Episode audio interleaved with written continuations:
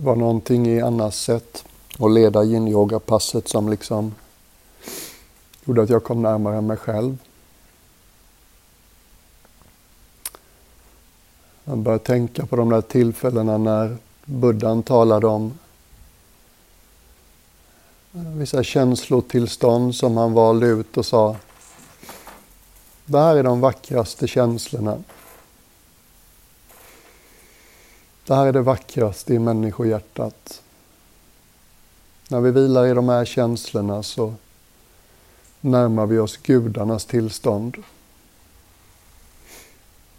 Han valde ut fyra känslor och han kallar dem tillsammans för Brahma Vihara. Brahma betyder gudar. Och Vihara betyder bostad eller boning eller hemvist. Så det är liksom där gudarna bor inombords. För de känslotillstånden som är tillgängliga för ett människohjärta som är gudalika.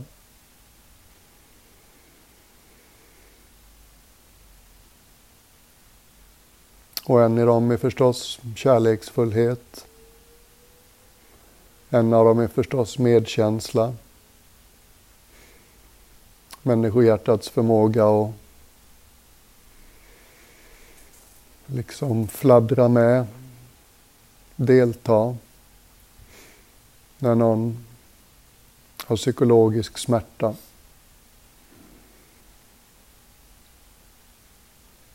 En tredje av de känslotillstånden är lite mindre talade om i västerländsk kultur.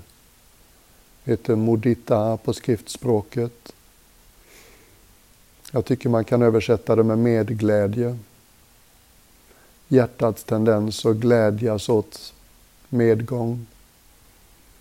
Den här känslan som jag tror föräldrar är väldigt, uh, vad ska vi säga, vana vid den naturliga glädjen i föräldrahjärtat när man ser att det går väl för ens barn på ett eller annat sätt. Väldigt så här ren och okomplicerad känsla.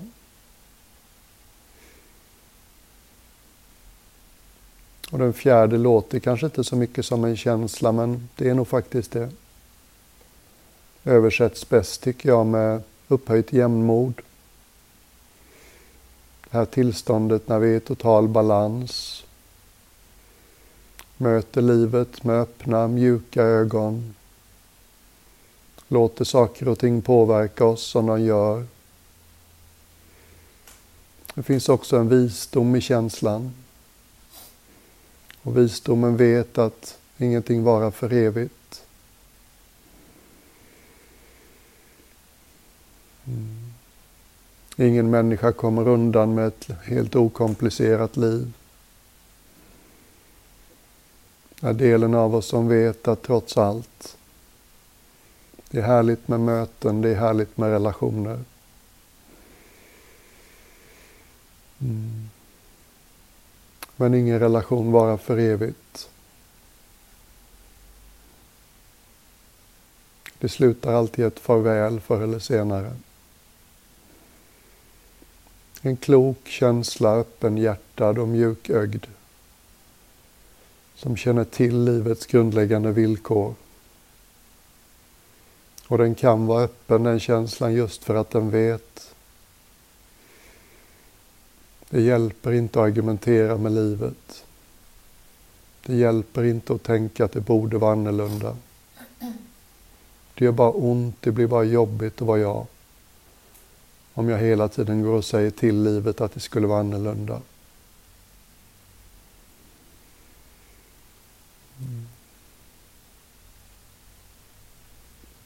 Och jag gissar att ni känner igen er även i den. Det där tillståndet av att liksom nära livet-upplevelsen. Vårt känslocentrum är tillgängligt. Vi påverkas av vad som händer runt omkring oss. Vi känner oss lite större för vi går inte in i motstånd. Mm.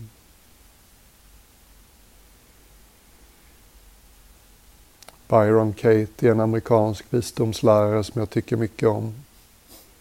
Hon kallar det att ge upp sitt livslånga argument med Gud. Och ge upp och hela tiden ha invändningar mot verkligheten. Jag borde, han borde, de borde, mina föräldrar borde, mina barn borde. Mina kollegor borde, min chef borde, mm. Gud borde.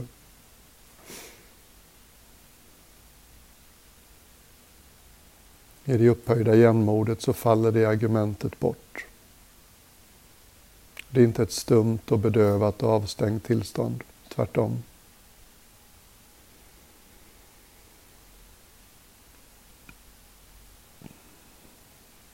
Och när jag levde som munk i Thailand så blev det så småningom uppenbart att vi västerländska munkar och nunnor, vi hade inte riktigt lika lätt att gilla oss själva som man säger i Göteborg, som thailändarna. Vi märkte att många av oss behövde lite uppmuntran eller mådde bra av och ge hjärtats vackrare kvaliteter lite stöd, hjälp, uppmuntran. Och det var så slående när man började läsa i skrifterna om vad buddhan gav för uppmuntran. Hur växer jag i det som är vackert i människohjärtat?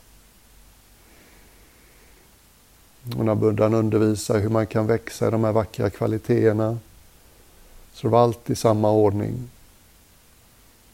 Alltid först mot mig själv, sen mot andra. Alltid lika jobbigt att bli påmind om det.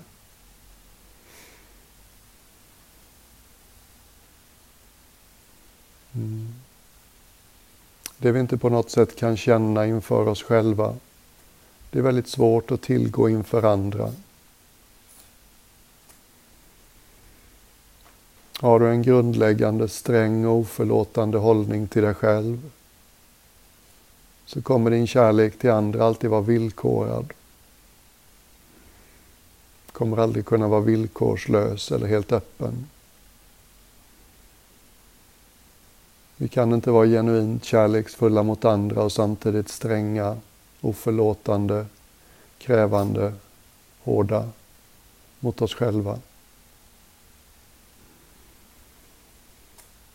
Och det lustiga är att när jag säger det så är det lätt hänt att just den där stränga delen av oss tar det budskapet och säger nu måste jag banne mig bli mer kärleksfull mot mig själv. Nu får jag banne mig sluta vara så himla sträng. Nu jäklar ska jag se till att vara mer öppensinnad och förlåtande mot mig själv. Fort ska det gå. Stor förändring, snabbt. Jag måste lyckas med det här. Du hör ju. Mm. Ordet kärlek är så stort så man kan få lite panik eller svindel eller ordet är så stort och jag är så liten. Så jag har liksom börjat utveckla mitt eget lilla sätt för att hjälpa mig på den här vägen. Jag tänkte ta dig i handen liksom och visa dig mitt sätt. Jag vet inte riktigt var jag hörde det först, men någonstans plockade jag upp möjligheten att använda andetaget för att närma sig sitt känslocentrum. Någon, jag minns inte vem, guidade en meditation där man tänker sig att som om du andades in från en plats framför bröstet. Tänk dig liksom att ditt andetag var horisontellt Så att inandningen började med att luften befann sig utanför bröstet först. Och sen i din egen takt när du andas in så tänker du att luften kommer från en plats framför bröstet. In i bröstet. In till ditt känslomässiga centrum, ditt psykologiska hjärta om du vill. Där du känner saker.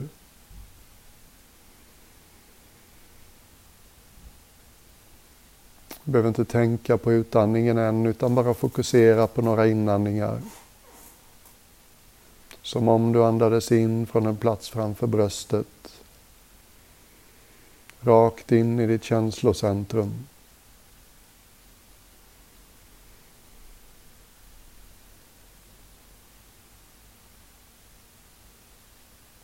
Lägg märke till hur andetaget kan vara känsligt.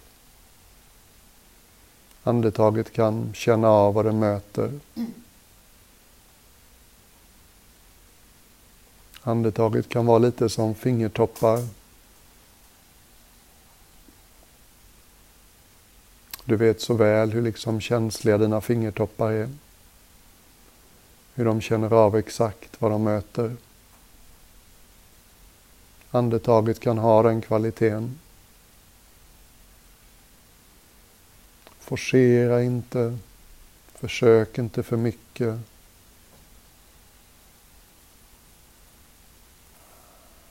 Det är nästan som att vi börjar sänka garden lite.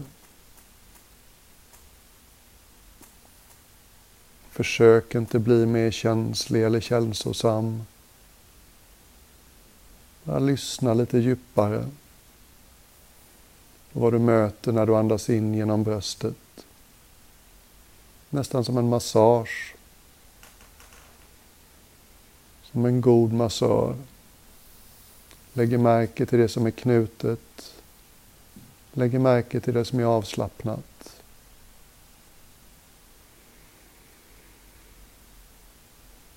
Andetaget kan vara massagehanden som liksom sakta väcker ditt känslocentrum.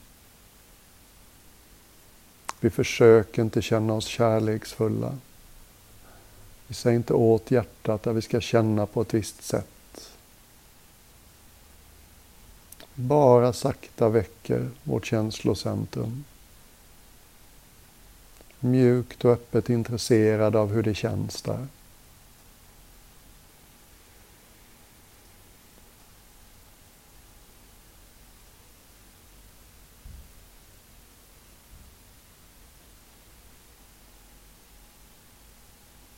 Vill du lägga till utandningen så gillar jag att liksom göra den till någonting som börjar inne i hjärtat. Där inandningen tog slut. Och så tänker jag mig gärna att den går bakåt istället. Som en ledig öppen gest. Rakt ut genom bröstryggen och ut bakom dig. Utan att ens veta om vad, bara som en gest av att det jag inte behöver bära längre, det släpper jag taget om. Letting bygons be bygons. Ställa ifrån sig lite bagage med varje utandning.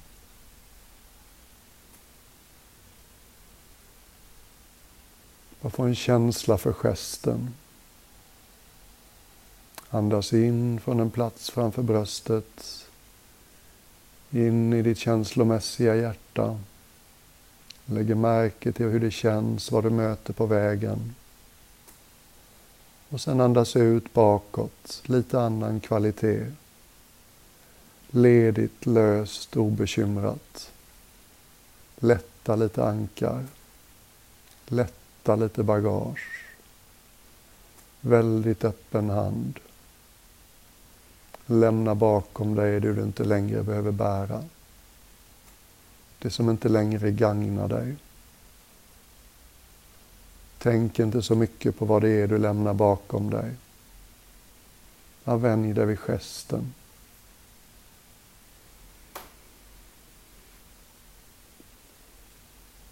Utandningen förknippar vi ju bland annat med lättnad. Man blir lättad. Något som var tungt är inte lika tungt längre.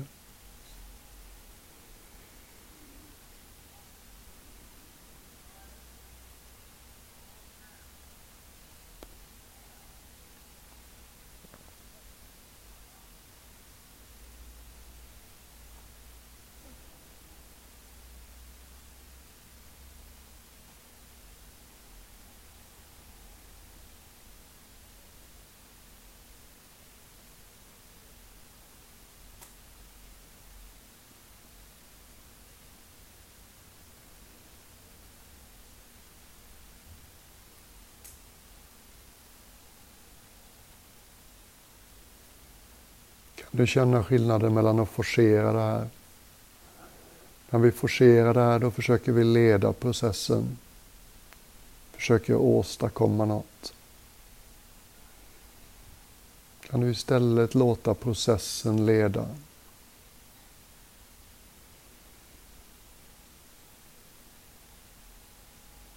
Var liksom den tillgängliga betraktaren. Lyssna. Låt ditt känslocentrum vakna i sin egen takt. Kanske möter du bara en massa hård, hårdhet, stängdhet. Kanske säger ditt känslocentrum ungefär, jag tänker inte öppna mig en endaste centimeter. Här är det stängt. Kanske är du lite chockad av hur stängt det känns.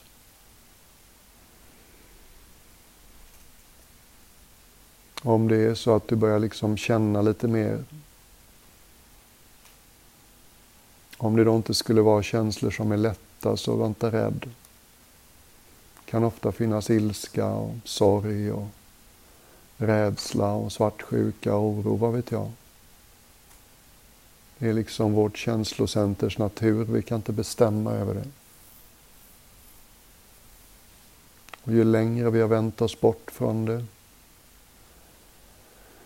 ju mer kan vi gå och bära på som är svårt att känna.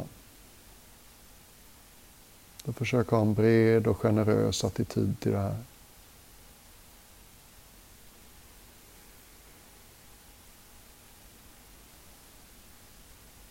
Tänk på hur dåligt det har funkat för dig och mig att säga till oss själva att vi borde inte känna så här. Vi borde känna annorlunda. Vi är gulliga på det sättet, vi människor. Går omkring och säger borde, si och borde så, jag och andra. Inget har någonsin ändrat sig på riktigt för att vi säger borde. Det är som att vi tar gudspositionen. Jag tycker att universum och alla andra och jag borde vara beskaffade på det här sättet. Och jag tycker det är fel att det inte är så. Mm.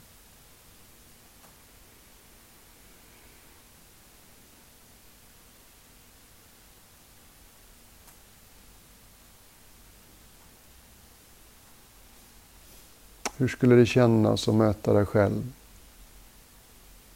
Om du mötte dig själv på samma sätt som du möter dem du tycker mest om. De du är mest generös med. De du har lättast att förlåta. De du är mest tålmodig med. Hur skulle det kännas?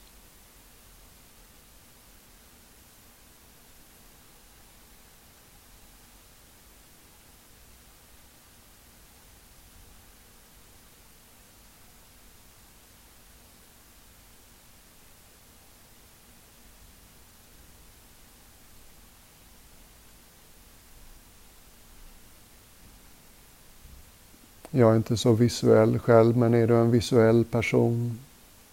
En del tycker om att tänka sig att liksom nästan är som ljus man andas in.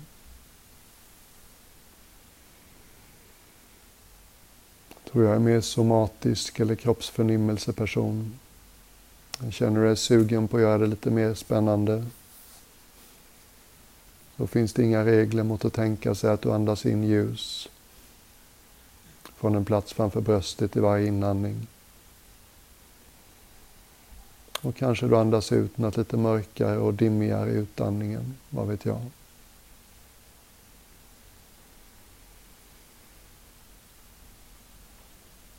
Och vi är inte ute efter intensitet.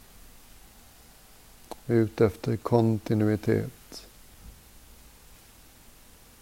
Precis som i massage, man kan inte forcera det. Man möter kroppen där den är. Här möter vi vårt känslocentrum där det är. Jag lyssnar på dig. Jag är här. Jag kommer inte vända mig bort den här stunden. Vill du tala till mig så är jag här.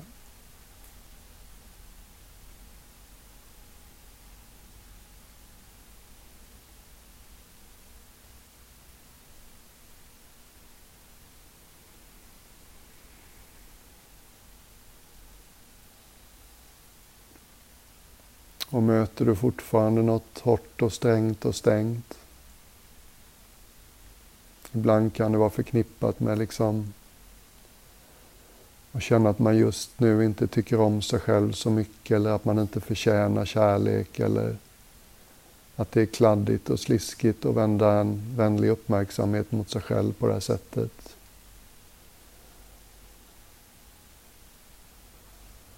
Och bakom det finns ofta något slags uttalat eller outtalat krav om att man borde vara perfekt. Jag är inte alltid så bra. Alltså är jag inte värd kärlek. Jag har gjort misstag och dumheter. Alltså är jag inte värd kärlek. Om folk visste vem jag egentligen är och vad jag egentligen känner och tänker och tycker så skulle de inte tycka så mycket om mig. Alla möjliga hyss vi har för oss.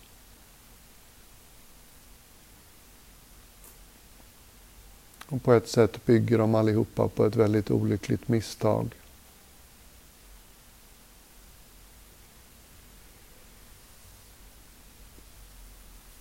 Vem av oss skrev någonsin på ett kontrakt att vi lovar att vara perfekta?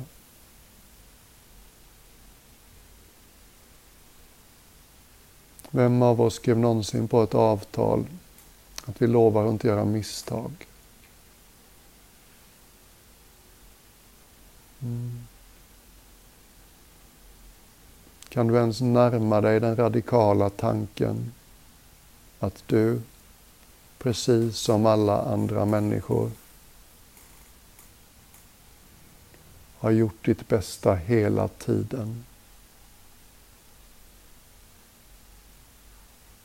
Varenda ögonblick. Givet den du var då. Givet vad du hade varit med om innan i ditt liv. Givet vad du kom in i det här livet med. Kalla det karma eller DNA beroende på din livssyn. Så kunde du inte gjort annorlunda.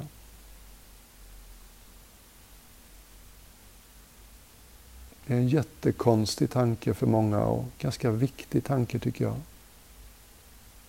Alla gör sitt bästa hela tiden. Du med.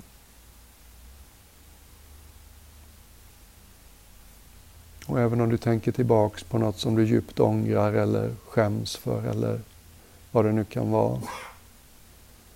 Ja, visst, men nu vet du bättre. Kan du liksom hålla den där historiska versionen av dig om du har något sånt där? Den där grejen eller den där passagen. Kan jag inte riktigt förlåta mig själv för.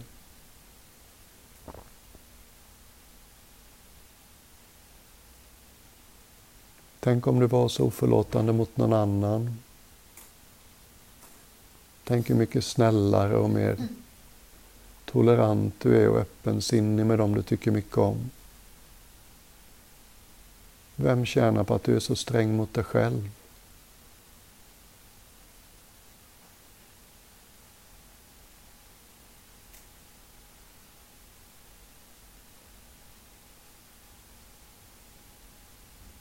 Jag liksom bara jassa lite för att hitta ett mjukare sätt att hålla oss själva.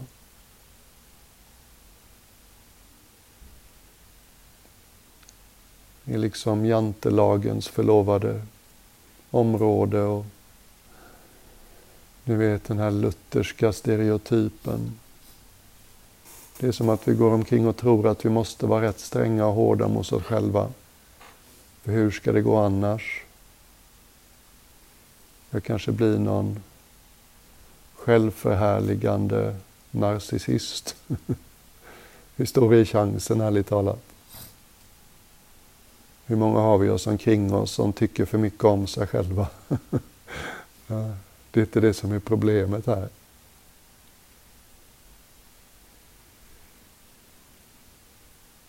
Tänk om du kunde möta dig själv som de som tycker om dig möter dig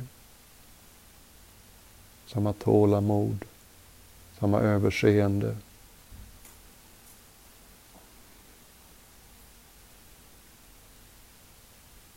Eller kanske är du en av de lyckligt lottade som inte tycker det här är ett problem.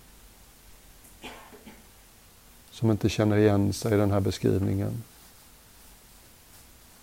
Gläds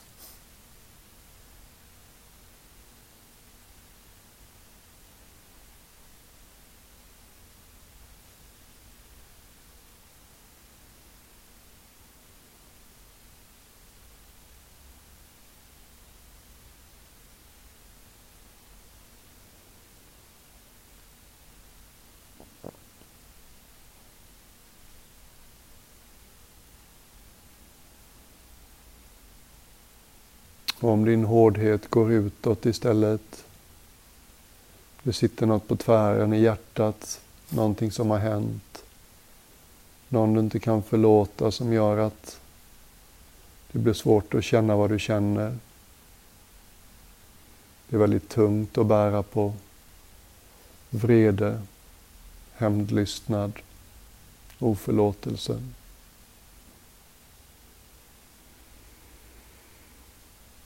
Mm.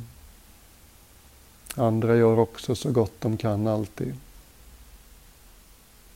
Även om det kanske inte ser så himla bra ut i dina eller mina ögon. Donald Trump, han gör sitt bästa han med. Åtta år sedan när jag var på retreat med min lärare Rajashanti i Holland. Talade han om villkorslös kärlek så sa han, på den tiden var det en annan president i Amerika. Så att det var tio år sedan, vad vet jag. Och då sa han ungefär att om din kärlek inte inkluderar George Bush så är den inte villkorslös än. Ja.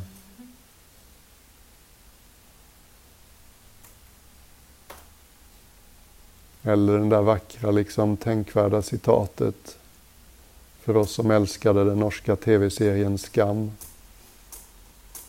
varje gång eh, personen Nora visades i rutan så kände jag mig som en kärlekskrank 16-årig gymnasist. Hon var liksom vackrast inuti och utanpå och så klok och så bra vän och svarade han så schysst när hennes kompisar behövde hjälp. Jag var hopplöst starstruck. Och i en scen så står hon och fönar sig i sitt rum och så sitter det en post-it-lapp bredvid spegeln. Och på den står det Alla människor utkämpar en kamp du inte vet någonting om. Var snäll. Alltid. Så en jättevacker påminnelse. Är någon oresonlig osamarbetsvillig, elak, galen, ansvarslös, whatever. Vi har ingen aning varför de är som de är. Och när vi antar varför de gör som de gör eller säger som de säger så har vi faktiskt oftast fel. Jag är en ganska eldig personlighet. Det finns en fin sida av det med expansiv och kärleksfull. Det finns en inte lika fin sida av det, att jag kan vara reaktiv och otålig och lättirriterad. Jag lärde mig de tidiga åren i klostret, det var ju lite pinsamt att gå där och vara sur när man var buddhistmunk eller bli arg. Och I början agerade jag ofta impulsivt på vad jag, min reaktion. Och så småningom så lärde jag mig liksom att nästan alltid när jag blir arg så har jag missuppfattat situationen. Det är något jag inte ser, något jag inte förstår. Lärde mig sakta att börja med en fråga istället för en, säger man, attack, utfall.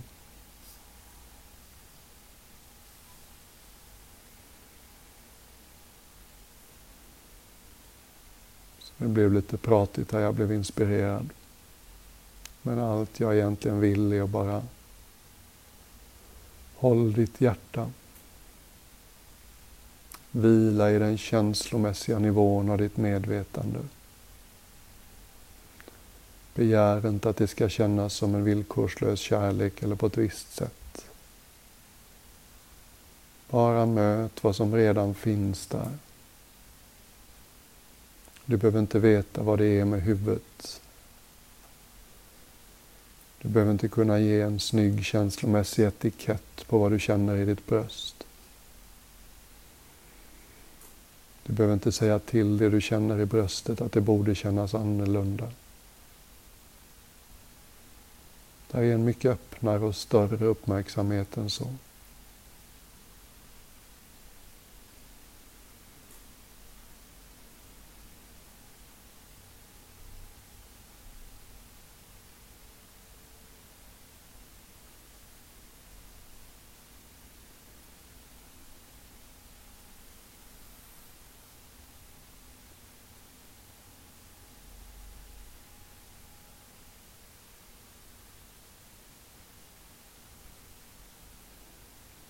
Tänk vad mycket världen har att vinna på om du och jag kunde hålla oss själva i ett lite mer försonat ljus.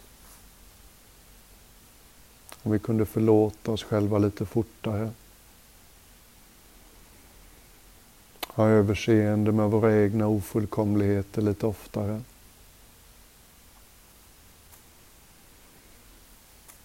Inte vara så rädda för att någon annan ska märka vad vi känner när vi känner något vi är lite obekväma med. Om vi inte sa till oss själva så ofta att vi inte borde känna så här.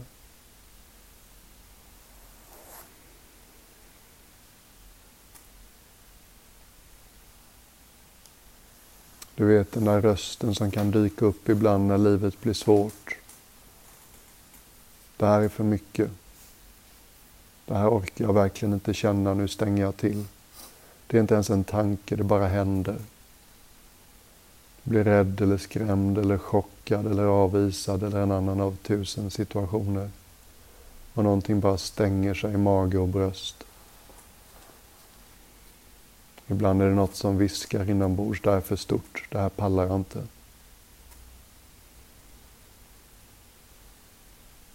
Och varje gång vi lyssnar på den rösten som säger att det här är för stort, det klarar jag inte. Och viskar tillbaks, kanske, kanske inte. Jag kan ju prova lite. Så upptäcker vi igen och igen att vi är faktiskt stora nog att möta allt som livet presenterar oss. Den här rösten att det är för mycket, den är gammal och automatisk. Den utvecklades när vi var små och hade begränsade resurser. Nu är vi vuxna. Vi kan istället låta varje svårighet, varje känslomässig storm göra oss större, göra oss mänskligare, göra oss starkare. Varje svårighet mött på rätt sätt gör oss starkare.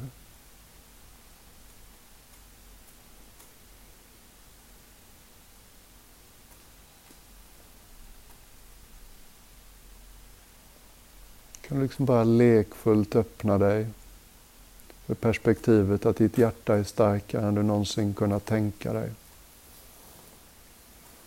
Att du är fullt kapabel och möta allt som livet kastar dig. Kantbollarna, smasharna.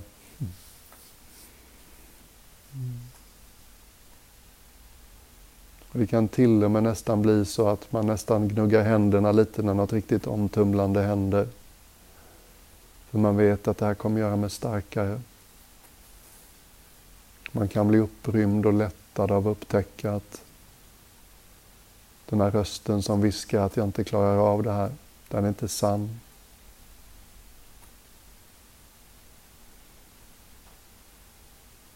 Man kan bli lite mer som Muminpappan.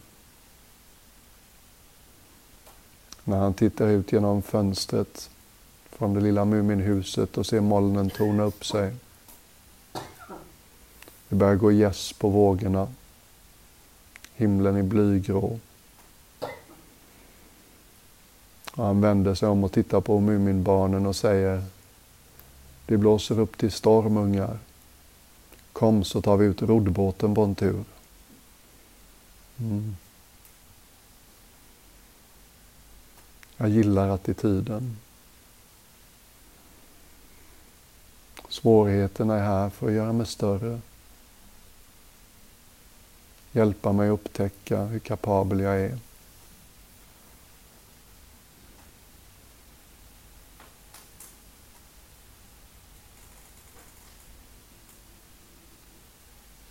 Om det var något i den här lilla guidningen som väckte något i dig. Bara ta de sista två minuterna och andas genom det. Om du vill på det här sättet som jag har föreslagit. Du håller kontakt med ditt känslocentrum. Du låter det som sitter i bröstet tala till dig. Du censurerar inte vad du än känner.